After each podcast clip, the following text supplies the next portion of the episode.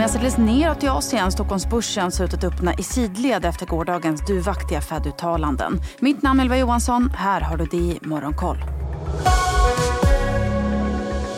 Och vi börjar väl med streamingbolaget Viaplay som skjuter upp sin rapport för tredje kvartalet ännu en gång. Styrelsen har nu beslutat att rapporten ska publiceras efter börsens stängning imorgon.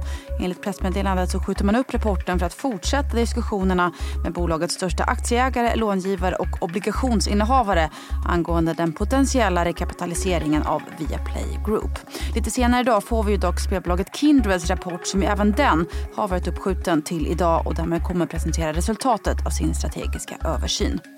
Och så till Asien där det är neråt på de ledande börserna idag. Shanghai-börsen backar svagt, Shenzhen-börsen är ner en halv procent och Hongkong-börsen backar hela 2 procent tyngt av stora techbolag och matleveransbolaget Meituan som rasar 11 procent till sin lägsta nivå sedan i mars 2020 efter att ha varnat för lägre försäljningstillväxt i det fjärde kvartalet. Alibaba backar 2,5 procent efter att grundaren Jack Ma, som ju nu för tiden brukar hålla en ganska låg profil, uppmanat sina anställda i en kommentar på ett internt jobbforum att ta inspiration inspiration från rivalen PDD Holdings som ju rusade 18% på New York-börsen igår efter att ha levererat bättre resultat än väntat och dubblat sin omsättning. Tokyobörsen backar svagt samtidigt som den japanska yenen stärks till sin starkaste nivå på två månader gentemot dollarn. Även nyzeeländska kiwi-dollarn stärks rejält med hela 1 efter att den nyzeeländska centralbanken lämnat räntan oförändrad på 5% men samtidigt höjt sina ränteprognoser för 2024. Lägre australisk inflation än väntat har däremot stärkt marknadens förväntningar på att RBA, den australiska centralbanken, kommer att pausa sina räntehöjningar vid nästa veckas möte. Men åter till dollarn som nu är på sin lägsta nivå sedan i augusti efter gårdagens oväntat duvaktiga uttalanden från den annars hökaktiga Fed-guvernören Christopher Waller om att dagens ränteläge är tillräckligt för att få ner inflationen mot Feds inflationsmål och att räntesänkningarna kan komma om inflationen fortsätter att sjunka stadigt under flera månader. Vilket alltså ytterligare förstärkt marknadens tro att Fed är klara med sina räntehöjningar.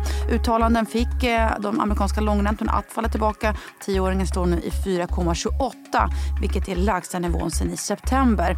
Samtidigt så har marknadens förväntningar på räntesänkningar nästa år ökat. Det var annars ganska försiktiga rörelser på Wall Street igår. Breda SP lyckades precis hålla sig över nollstrecket och Tintin Nasdaq steg svagt. Flera guldbolag lyfte till följd av att guldpriset steg rejält. Världens största guldgruvebolag Newmount rusade 6,5% och Barrick Gold steg med 5,5% Sinch-konkurrenten Twilio lyfte 3,5% efter att hedgefonden Anson gått in i bolaget med syftet att få till en försäljning av hela eller delar av bolaget. Och Tesla steg 4,5% inför att man idag väntas börja leverera sin nya Cybertruck. Oljepriset som steg rejält igår handlas ganska stadigt idag inför oljekartellen OPEC plus uppskjutna möte imorgon där frågan är om man kommer meddela ytterligare produktionsnedskärningar eller inte. Brentoljan kostar 81 dollar fatet. Och strax efter USA-börsens stängning igår kom ju också det tråkiga beskedet att Warren Buffetts parhäst och vice ordföranden i Berkshire Hathaway, Charlie Munger, gått bort 99 år gammal.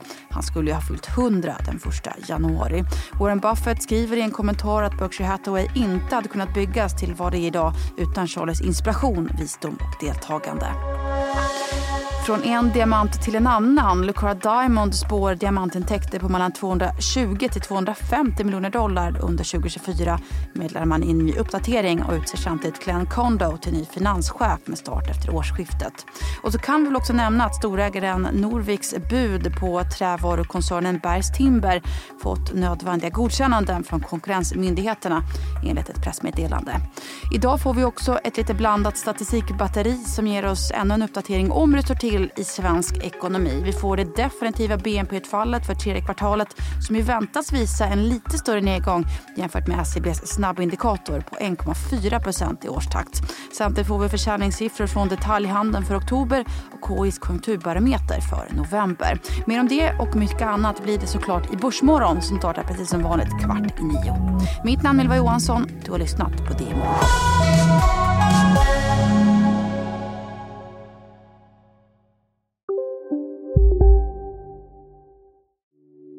Hej, Ulf Kristersson här. På många sätt är det en mörk tid vi lever i. Men nu tar vi ett stort steg för att göra Sverige till en tryggare och säkrare plats. Sverige är nu medlem i Nato. En för alla, alla för en. Där det finns ett samhälle, där finns det brott. Krimrummet är podden som tar brottsligheten på allvar. Jag bjuder in landets ledande experter och tar upp aktuella rättegångsfall för att begripliggöra den kriminalitet som kryper allt närmare. Du, alltså, du kan knäcka ett eller några gäng, men det kommer komma nya och så kan vi knäcka dem sen. Men att du ska knäcka allt forever, det kommer aldrig ske. Det är infinite gain. Lyssna på Krimrummet, en podd från Expressen med mig Kim Malmgren.